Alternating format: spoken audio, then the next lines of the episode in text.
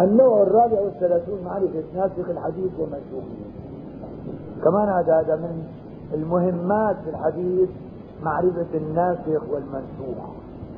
وهذا أول من كتب فيه الإمام الشافعي رحمه الله في الرسالة التي ألفها بإشارة من عبد الرحمن بن مهدي اللؤلؤي رحمه الله. وهذا الفن ليس من خصائص هذا الكتاب بل هو بأصول الفقه أشبه. يعني الذي يعنى بالناسخ والمنسوخ علماء أصول الفقه أكثر من علماء أصول الحديث. وقد صنف الناس في هذا كتبا كثيرة مفيدة. من أجلها وأنفعها كتاب الحافظ الفقيه أبي بكر الحازمي رحمه الله. الاعتبار في الناسخ والمنسوخ من الآثار. عبارة عن جزء جيد هذا. نعم. واسمه الاعتبار بالناسخ والمنسوخ من الآثار. طبع مرارا. وقد طبع أيضا كتاب ناسخ الحديث ومنسوخه للإمام ابن شاهين بتحقيق سمير الزهيري. هذا موجود تحت عندكم؟ لا. لا. وقد كانت الشافعي رحمه الله في ذلك اليد الطولى كما وصفه به الإمام أحمد بن حنبل. كان تعليق أحمد شاكر معرفة الناسخ والمنسوخ من الحديث فن من أهم فنونه وأدقها وأصعبها. قال والإمام الشافعي رضي الله عنه كان له يد طولى في هذا الفن. قال أحمد بن حنبل لابن وارى وأكون.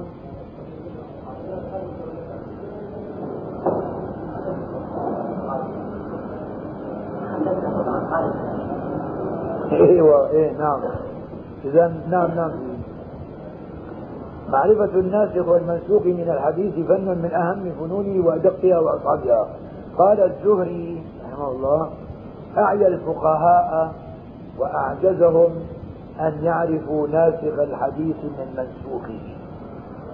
أنه هذا الحقيقة له علاقة بأصول الفقه لأنه في صعوبة. أولا بده يعرف الواحد في أحيانا أحاديث منسوخة يعرف نسخها من لفظها. وأحيانا لا يعرف إلا بتاريخها. باللفظ ممكن فهم أولا الرسول صلى الله عليه وسلم نهى في أول الإسلام عن زيارة القبور.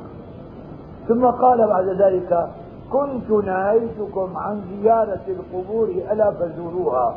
هذا واضح في النسخ. عم يبين إنه في الأول نهى ثم بعد ذلك أباح زيارة القبور. كنت نهيتكم عن ادخار لحوم الأضاحي.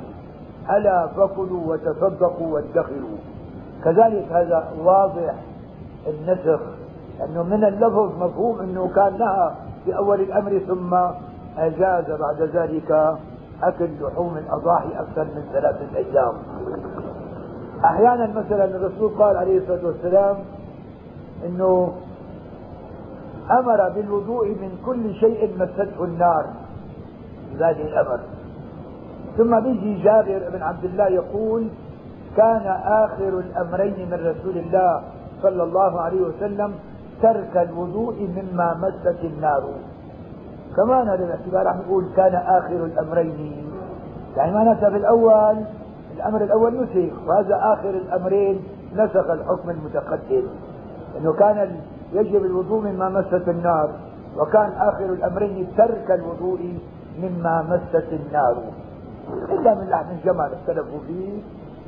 ولذلك الجمهور أدخلوا كذلك لحم الجمل في النص العام. الامام أحمد بن حنبل قال هذا خاص من عام لذلك لما سئل الرسول صلى الله عليه وسلم أنا توضأوا من لحوم الإبل؟ قال نعم توضأوا فالإمام أحمد أخذ بالوجوب ومن نواقض الوضوء أكل لحم الجزور اعتبر هذا خاص من حديث جابر العام كانت آخر الأمرين من رسول الله ترك الوضوء مما مست النار. لذلك بقية المذاهب الثلاثة قالوا هذا الحديث يدل على الاستحباب لا على الوجوب. يعني في خلاف الفقهاء. أحيانا الأحاديث لا تعلم لا يعلم نسخها ناسخها من منسوخها إلا بالزمن. الرسول قال أفطر الحاجم والمحكوم بعدين جاء الحديث احتجم رسول الله وهو محرم واحتجم وهو صائم. قالوا هذا الآخراني كان في حجة الوداع هذا كان في أول الإسلام. لذلك المتأخر نسخ المتقدم. لذلك هذا بقى بده بحث في الزمان. مين هذا بأي وقت كان وهذا بأي وقت كان حتى يعرف الناسخ من المنسوخ. وإلا بعض الأحاديث اللي الكلام ظاهر فيها يعرف منها الناسخ والمنسوخ لذلك عم يقول الإمام أحمد بن حنبل بالتعليق تحت عم يحكي معرفة الناسخ والمنسوخ من الحديث فن من أهم فنونه وأدقها وأصعبها. قال الزهري أعيا الفقهاء وأعجزهم أن يعرفوا ناسخ الحديث من منسوخه. والإمام الشافعي رضي الله عنه كان له يد طولى في هذا الفن. قال أحمد بن حنبل لابن وارة وقد قدم من مصر كتبت كتب الشافعي. قال لا. قال فرطت. ما علمنا المجمل من المفسر ولا ناسخ الحديث من منسوخه حتى جالسنا الشافعية هذا اعتراف من الإمام أحمد بن حنبل. لذلك الإمام الشافعي في كتابه الرسالة أول من ألف في ناسخ الناسخ المنسوخ وأول من ألف في أصول الفقه وأول من ألف في مصطلح الحديث. طبعا هذا مو كتاب خاص للفنون وإنما ذكر بعض أشياء لها علاقة بالناسخ والمنسوخ بعض أشياء لها علاقة بأصول الفقه وبعض أشياء لها علاقة بمصطلح الحديث. بعدين لما اجى الرامة هرمزي ألف كتابا خاصا بمصطلح الحديث. وتبعه على ذلك العلماء بعده. وقد ألف الحافظ أبو بكر محمد بن موسى الحازمي المتوفى سنة 584 كتابا نفيسا في هذا الفن ناسخ المنسوخ سماه الاعتبار في بيان الناسخ والمنسوخ من الآثار. طبع في حيدر آباد يعني بالهند وحلب وبمصر نعم. ثم الناسخ قد يعرف من رسول الله صلى الله عليه وسلم كقوله كنت نهيتكم عن زيارة القبور فزوروها. هذا واضح. رواه مسلم من حديث بريدة. تمام وكنت نهيتكم عن لحوم الأضاحي فوق ثلاث فكلوا ما بدا لكم. كمان هذا واضح. وقد يعرف ذلك بالتاريخ وعلم السيرة وهو من أكبر العون على ذلك معرفة التاريخ. كما تركه الشافعي في حديث أفطر الحاكم والمحكوم. يعني رقم تحت رواه أبو داود والنسائي. ورواية النسائي من إنما هي في السنن الكبرى. والحديث مروي أيضا في مسلم لأحمد وسنن الدارمي وسنن ابن ماجه. وذلك في زمن الفتح.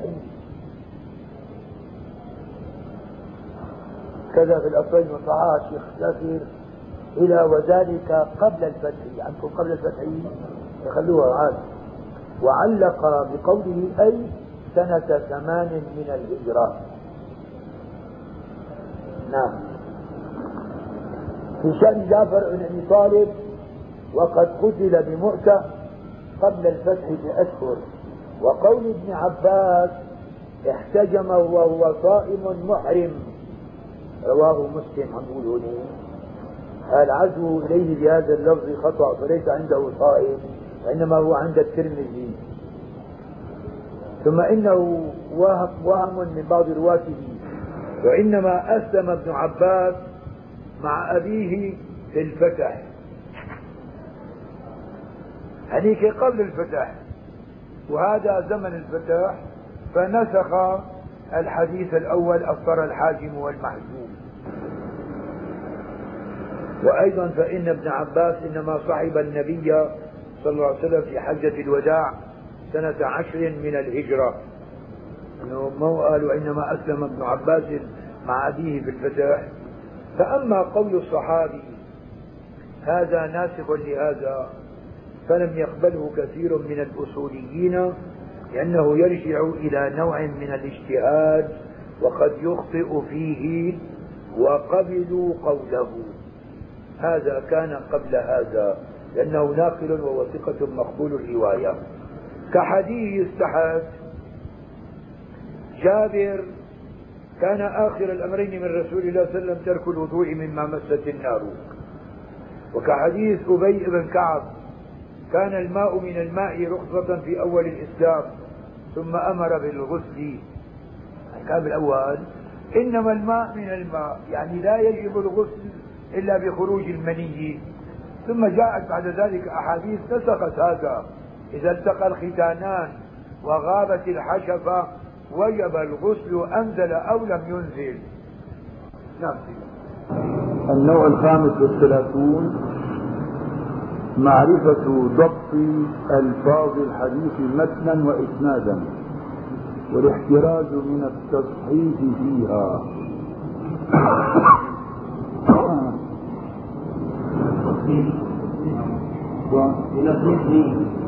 تصنيف. غلط لا تصحيح. لكن تصحيف وتحريف.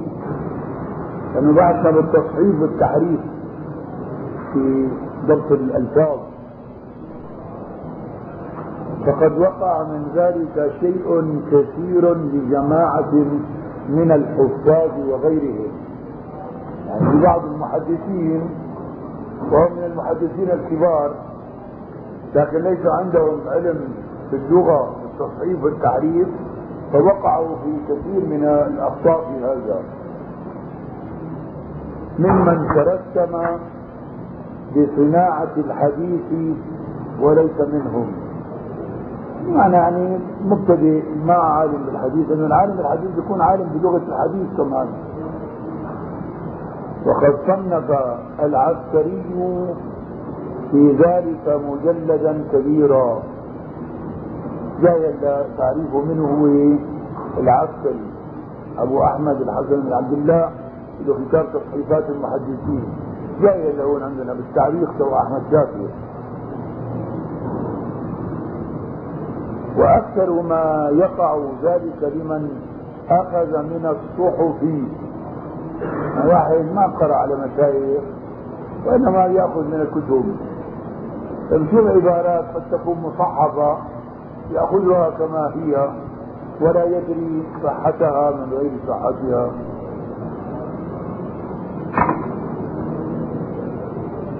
لمن أخذ من الصحف ولم يكن له شيخ حافظ يوقفه على ذلك. يعني يبين له الخطأ من الصواب. وما ينقله كثير من الناس عن عثمان ابن أبي شيبة هو عثمان ابن محمد ابن أبي شيبة.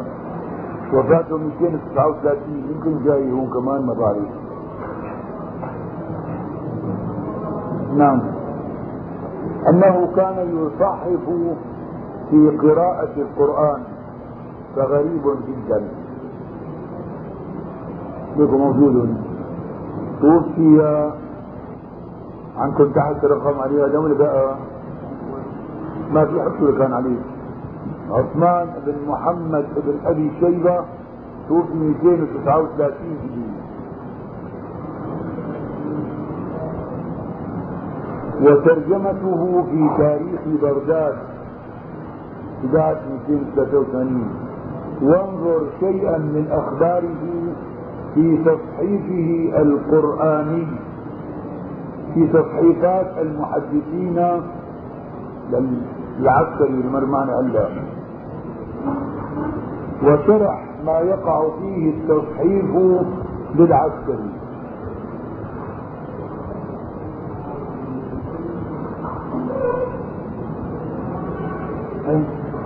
مع انه محدث يعني هو عثمان بن أبي شيبة لكن كان يصحح في الحديث عن يقولوا في القرآن حتى في اشياء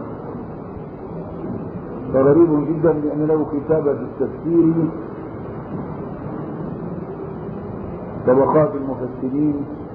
نعم. وقد نقل عنه أشياء لا تصدر عن صبيان المكاتب يعني عن طلاب المبتدئين في التصحيح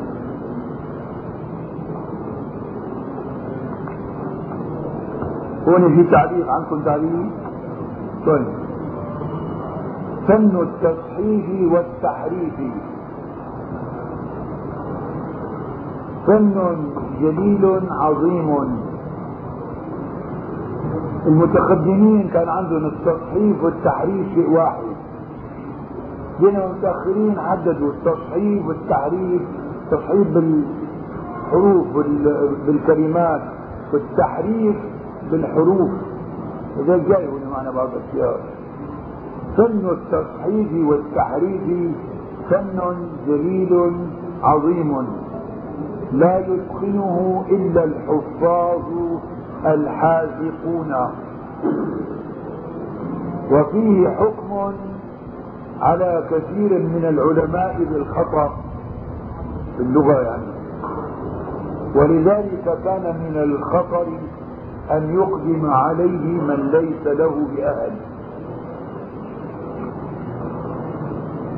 يكون عالم باللغة حتى يقوم يقدم على هذا مثل هذا الفن يعني. وقد حكى العلماء كثيرا من الأخطاء التي وقعت بالرواة في الأحاديث وغيرها. ولم نسمع بكتاب خاص مؤلف في ذلك غير كتابين.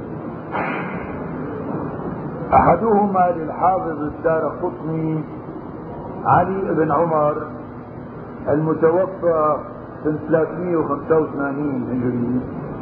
وهذا الكتاب لم نعلم بوجود نسخ منه وإنما ذكره ابن الصلاح والنووي وابن حجر والسيوطي ولم يذكره صاحب كشف الظنون ولم أجده في تراجم الدار قطني. هيك نقول أحمد شاكر يعني بس هو انتهت في تعليقه بل ذكره غير واحد.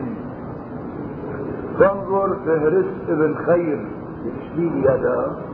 كتاب خاص في هذه الأمور. ومعرفة القراء الكبار للذهبي.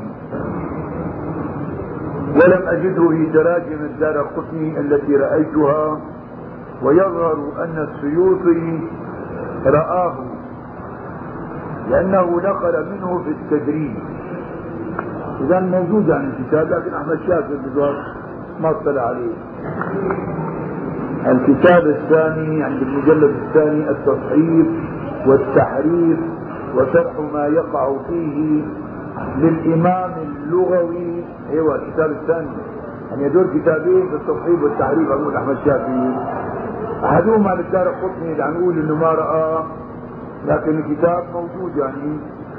الكتاب الثاني التصحيف والتحريف وشرح ما يقع فيه للإمام اللغوي الحجة أبي أحمد العسكري.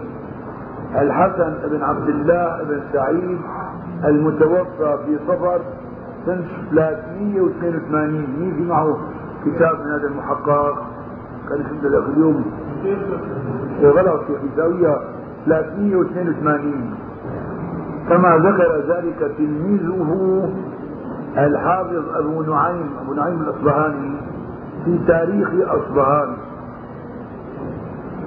وهذا الكتاب موجود بدار بدار الكتب المصرية في نسخة مكتوبة سنة 621 هجري وأوراقها 156 ورقة وقد طبع نصفه بمصر في سنة 1226 طبعا غير جيد.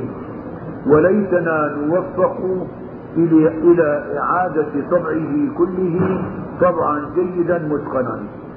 هذا كلام من زمان أحمد شاكر عم يقوله. تحت طبع في مصر طبعة كاملة سنة 1963 بمطبعة مصطفى البابي الحلبي. إذا أحمد شاكر عم يقول إنه ما طبع طبعة كاملة زمان لكن بعدين طبعت طبعة كاملة لمصر. مين التصحيف والتحريف العسكري نعم. وهو من أنفس الكتب وأكثرها فائدة. نرجع لفوق. وأما ما وقع لبعض المحدثين من ذلك يعني التصحيف والتعريف فمنه ما يكاد اللذيذ يضحك منه. أحيانا يقع من علماء كبار أشياء يضحك منها الصبيان. كما حكي عن بعضهم أنه جمع طرق حديث يا أبا عمير ما فعل النغير؟ ثم أملاه في مجلسه على من حضره من الناس فجعل يقول يا أبا عمير ما فعل البعير؟ فاصطبح عندهم وأرقوها عنه. يعني تحت ما بعد تعليق عنكم. النغير بالنون والغين المعجمة تصغير نغر. طائر صغير يشبه العصفور. أحمر المنقار. صحبه المصحف إلى بعير بالياء والعين المهملة. بينما النغير طائر صغير فقال يا أبا عمير ما فعل البعير جمل سبحان الله. هون ما فعل البعير يعني كان في بعض النسخ النغير فجعل يقول يا أبا عمير ما فعل البعير كذا في نسخة بي ووقع في نسخة آ النغير وفي حاشيته ما نصه صوابه ما كان أولا وهو البعير. والبعير مصحف على حكاية ما هو بصدده فليتأمل وأثبتها الشيخ أحمد شاكر دون تنبيه البعير. يعني بعض النسخ من نغير لكن لا يا عمير ما قال انه غير ما فيها شيء أما هو المشكلة بهذه الشيخ اللي رواها يا أبا عمير ما فعل البعير. فافتضح عندهم وأرخوها.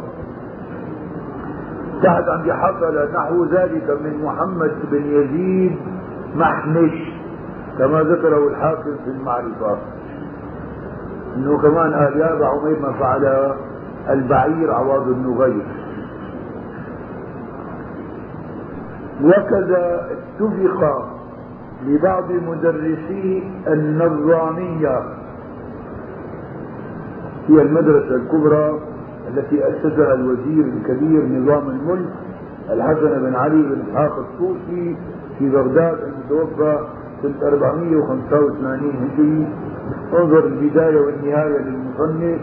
ابن كثير يعني وتاريخ ابن خلدون ووفيات الأعيان لابن خليكان والمدرس المذكور هو عبد الوهاب بن محمد الشيرازي الفارسي المتوفى سنة 500 هجري فيما ذكره عنه المصنف ابن كثير يعني في البداية والنهاية.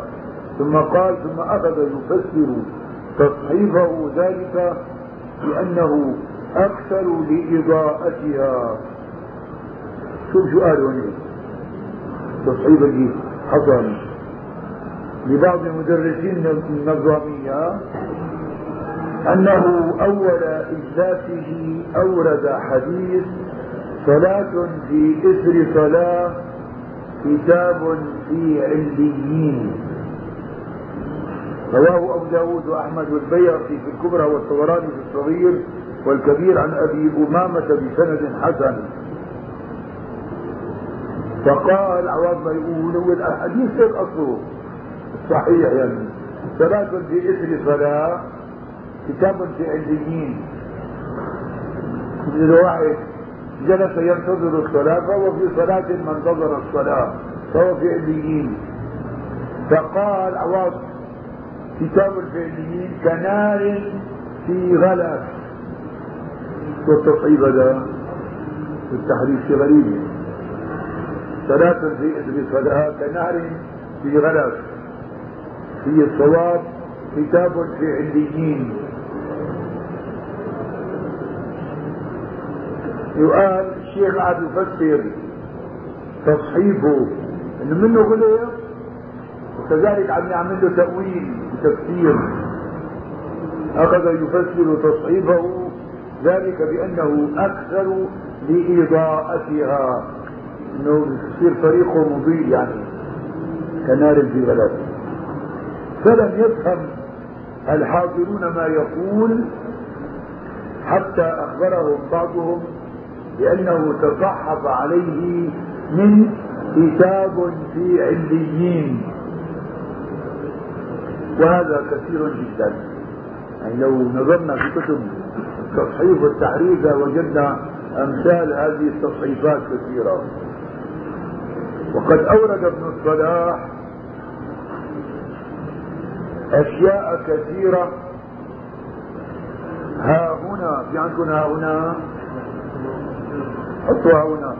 هذا ما بين المعقوبين ساقط من طبعة الشيخ أحمد شاكر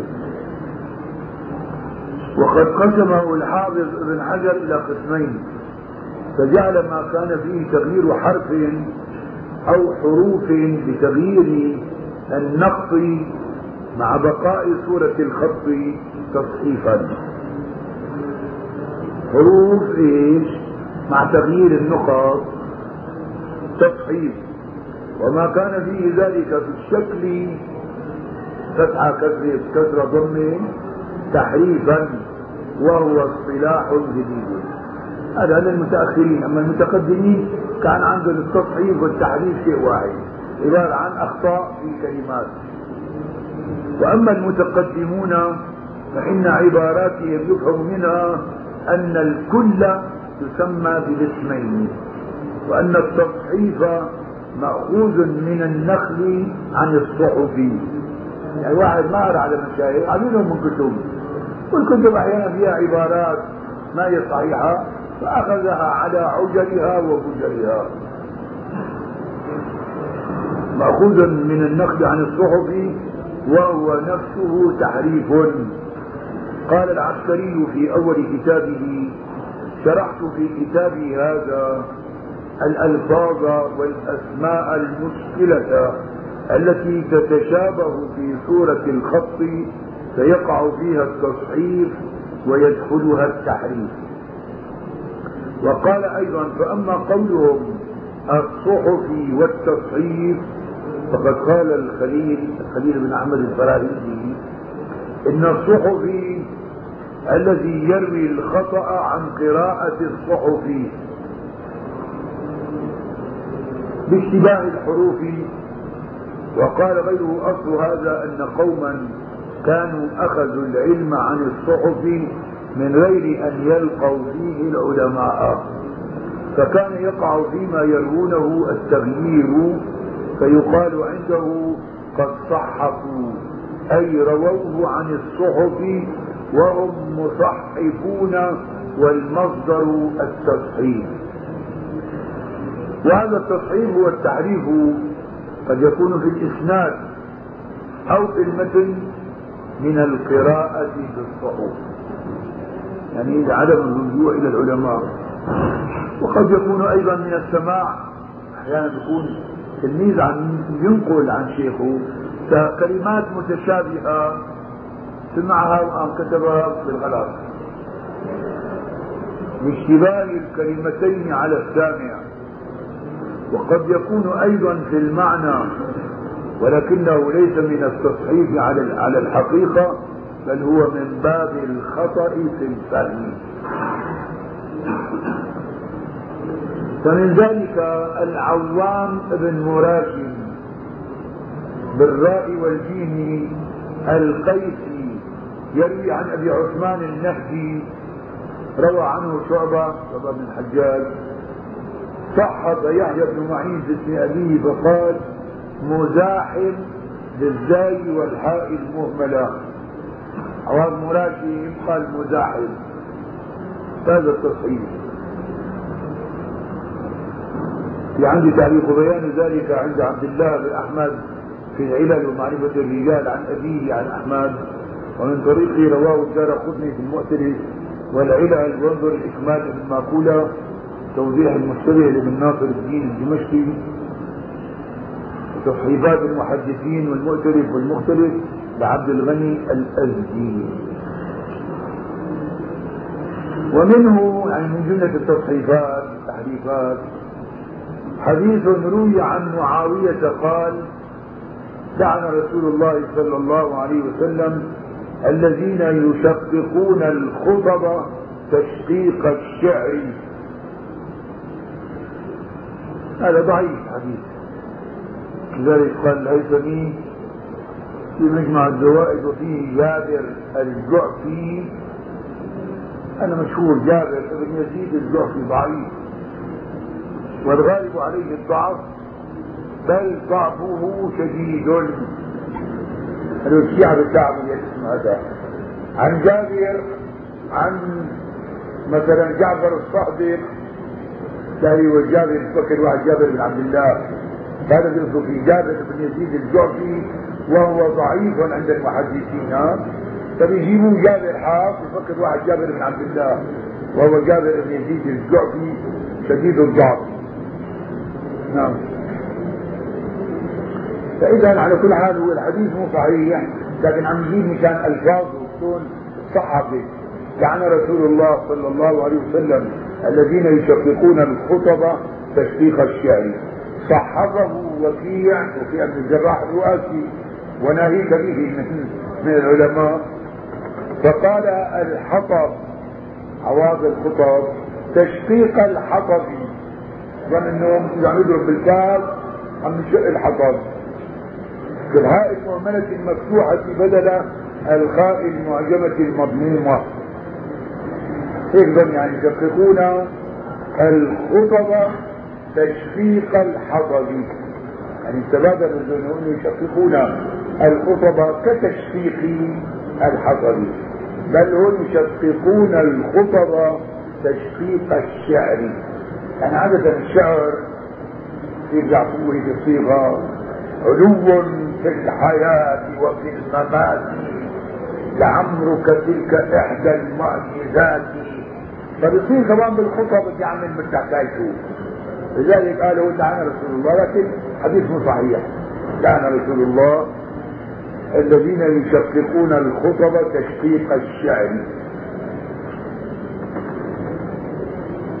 حكم المنية في البرية جاري.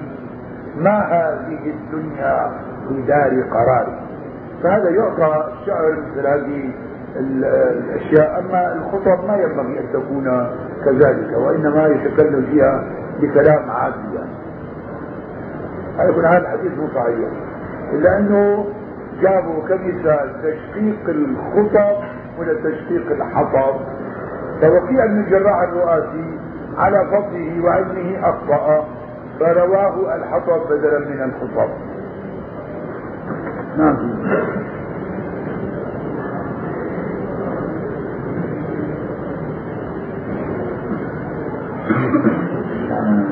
ونقل ابن الصلاح أن ابن شاهين صحف هذا الحرف مرة في جامع المنصور. فقال بعض الملاحين يا قوم فكيف نعمل والحاجة ماسة يعني والحاجة ماسة إلى الحطب. يعني هو ما كمان صحفوا من الخطب إلى الحطب ابن شاهين هذا لك يا جماعة المساوي لك الحاجة ماسة للحطب كان شو نعمل؟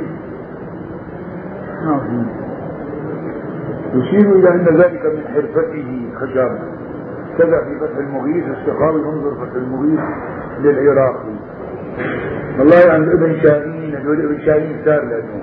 أما هذا المحدث حطوا عليه.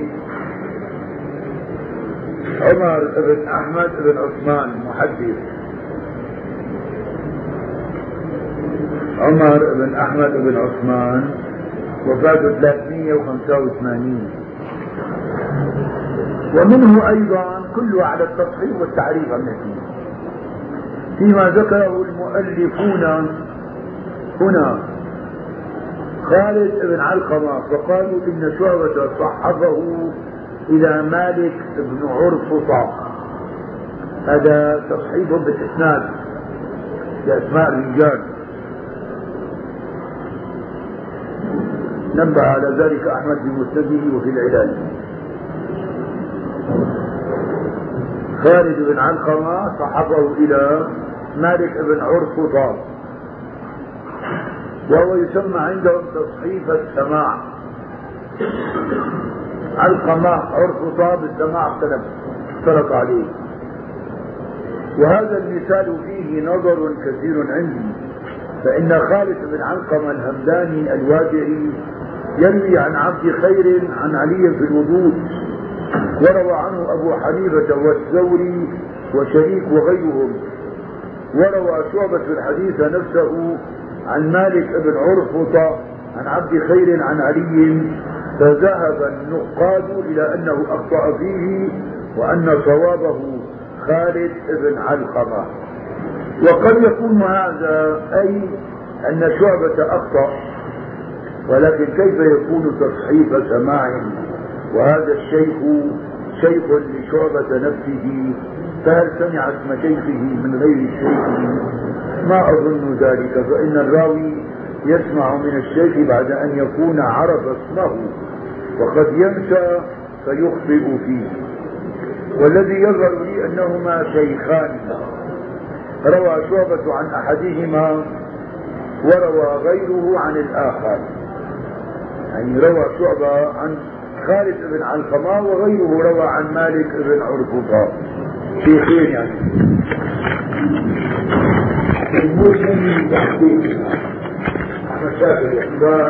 حقق مسند أحمد عم يقول انه هذول شيخين بسندين. ولذلك في خالد بن علقمة وفي آه، مالك بن عرفطة كلاهما جاء في إسناد عن شيخ. وقد وقد فصلنا القول في ذلك في شرحنا على الترمذي. أحمد شاكر له شرح على الترمذي في مجلدين فقط. وهذا الشرح الحقيقة جيد والمجلدين هذول بتحقيق أحمد شاكر بعدين اجى بعد منهم محمد فؤاد عبد الباقي عمل الثالث بعدين كملوه باثنين لغار صار خمسة كله كاملا أما هو القصص أحمد شاكر المجلدين اللي شرحهم في الترمذي وهو أنه طبع في الهند تحدث الأحوذي بشرح سنن الترمذي للمبارك ففقد المجلد الأول. هذول الفنون من فقرهم يطبعون يجمعون الأموال من بعضهم ويطبعون مجلدا. ثم يبيعونه ثم يطبعون الثاني. فطبعوا المجلد الأول طبعه هنديه كبيره تحفة الاحوذي بشرح سنن الترمذي للمباركوري وباعوه بعدين طبعوا الثاني والثالث والرابع. وهذا من فقد المجلد الأول ما في منه. فهو أحب أحمد شاكر أن يحقق هذا المجلد المفقود من تحفة الاحوذي شرح سنن الترمذي للمبارك فوري فعمل هالمجلدين بعدين طوع مرة ثانية بعد ذلك بعد فترة. رد الهنود جمعوا أموال.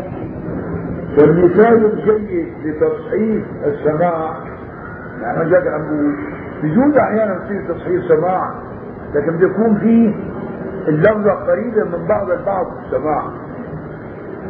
لتصحيح السماع اسم عاصم الأحول رواه بعضهم عن واصل الأحدب هذا تصحيح سماع. وقد شرح ذلك وبينه الحافظ العراقي في فتح المبين. قال ابن الصلاح فذكر الدار القطني أنه من تصحيح السمع لا من تصحيح البصر.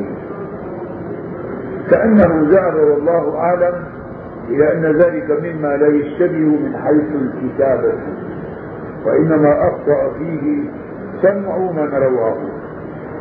ومنه أيضا ما رواه ابن عن زيد بن ثابت أن رسول الله صلى الله عليه وسلم احتجم في المسجد.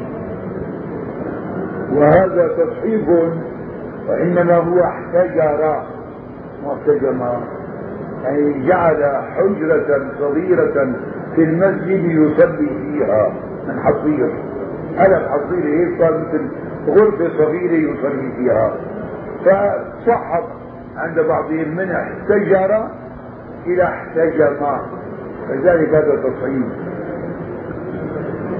في عندنا اثنين رواه أحمد بن سعد من طريق الزيعة بلفظ احتجم ونبه الإمام مسلم في التمييز على تصحيف ابن لهيعة وشرحه وبينه. وكذا أشار إلى التصحيف الجورقاني. هو الجورقاني جاي. في الأباطيل نخلا نخلا عن ابن صاعد كمان هذا ابن صاعد كان محدثا لكن كان ضعيف باللغة لذلك يقع في مثل هذه التصحيفات إذا احتجم في المسجد غلط وإنما احتجر وإنما هو احتجر بالراء أي اتخذ حجرة من حصير أو نحوه للصلاة. يعني نفس المسجد في واحد لأرمي على جنب هيك رفع حصيري وساوى مثل غرفة صغيرة فكان يصلي فيها. نعم. ومنه أيضا حديث أن النبي صلى الله عليه وسلم صلى إلى عنزة. عنزة هي عبارة عن عصا في أسفلها زج مثل رمح فرسول الله كان يأخذه خاصة في الفلوات فيصلي إلى هذه السترة. بفتح العين والنون عنزة وهي رمح صغير له أسنان كان يورث بين يدي النبي صلى الله عليه وسلم إذا صلى في الفضاء سترة له.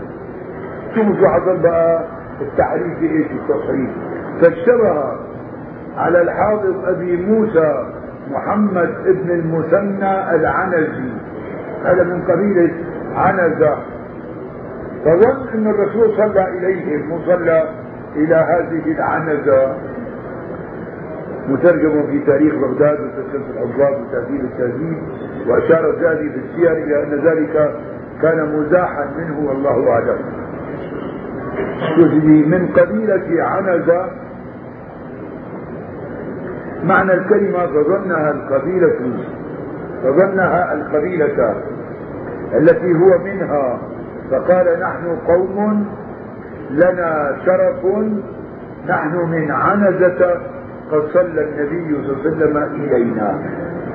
الآن تحريف سواء كانت مزح أو حقيقة تحريفا في العبارة. نعم.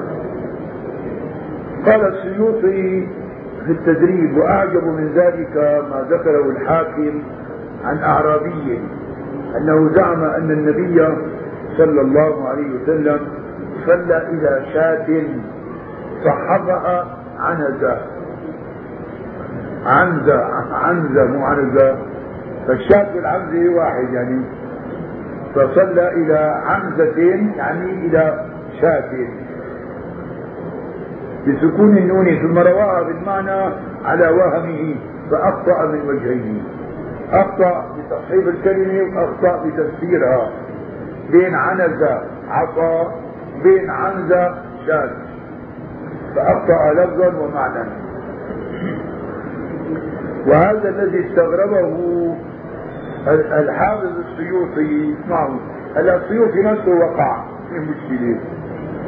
وهذا الذي استغربه الحافظ السيوطي رحمه الله قد وقع مثله معه فيما استدركناه عليه سابقا في تعليقنا على النوع الثامن عشر فإنه نقل حديثا عن أبي شهاب وهو الحناط فتصحف عليه وظنه ابن شهاب ثم نقله بالمعنى فقال كحديث الزهري هي عن أبي شهاب الحناط السيوطي ظن أنه ابن شهاب فقام الحناط وقال ابن شهاب الزهري. لذلك كمان وقع فيما استدرك على غيره. نعم. وقد كان شيخنا الحافظ الكبير الجهبر أبو الحجاج المزني. هذا شيخه لابن كثير وعمه أبو زوجته تزوج بنته لأنه ابن كثير بنت الحافظ المزني.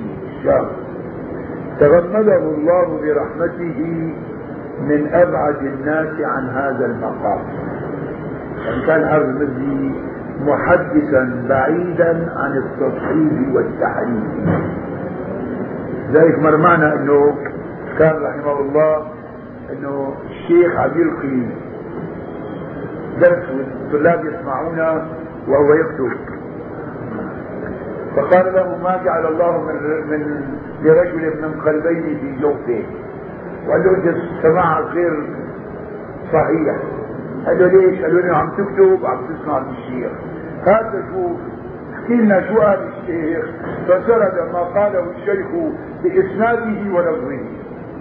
دليل إنه كان عنده يعني عقل واسع الله يرحمه الحافظ المزي لذلك كنا عم نقول الكثير عنه. وقد كان شيخنا الحافظ الكبير الجهبل أبو الحجاج المزي تغمده الله برحمته من أبعد الناس عن هذا المقام عن التصحيف والتعليم ومن أحسن الناس أداء بالاسناد والمتين بل لم يكن على وجه الأرض فيما نعلم مثله في هذا الشأن أيضا. وكان إذا تغرب عليه أحد برواية مما يذكره بعض شراح الحديث على خلاف المشهور عنده يقول هذا من التصحيح الذي لم يقف صاحبه إلا على مجرد الصحف والأخذ منها. كان ينبه على التصحيح يقول هذا التصحيح من الذي أخذ من الصحف دون أن يقرأوا على الشيوخ فوقعوا في هذه التصحيفات والتعريفات.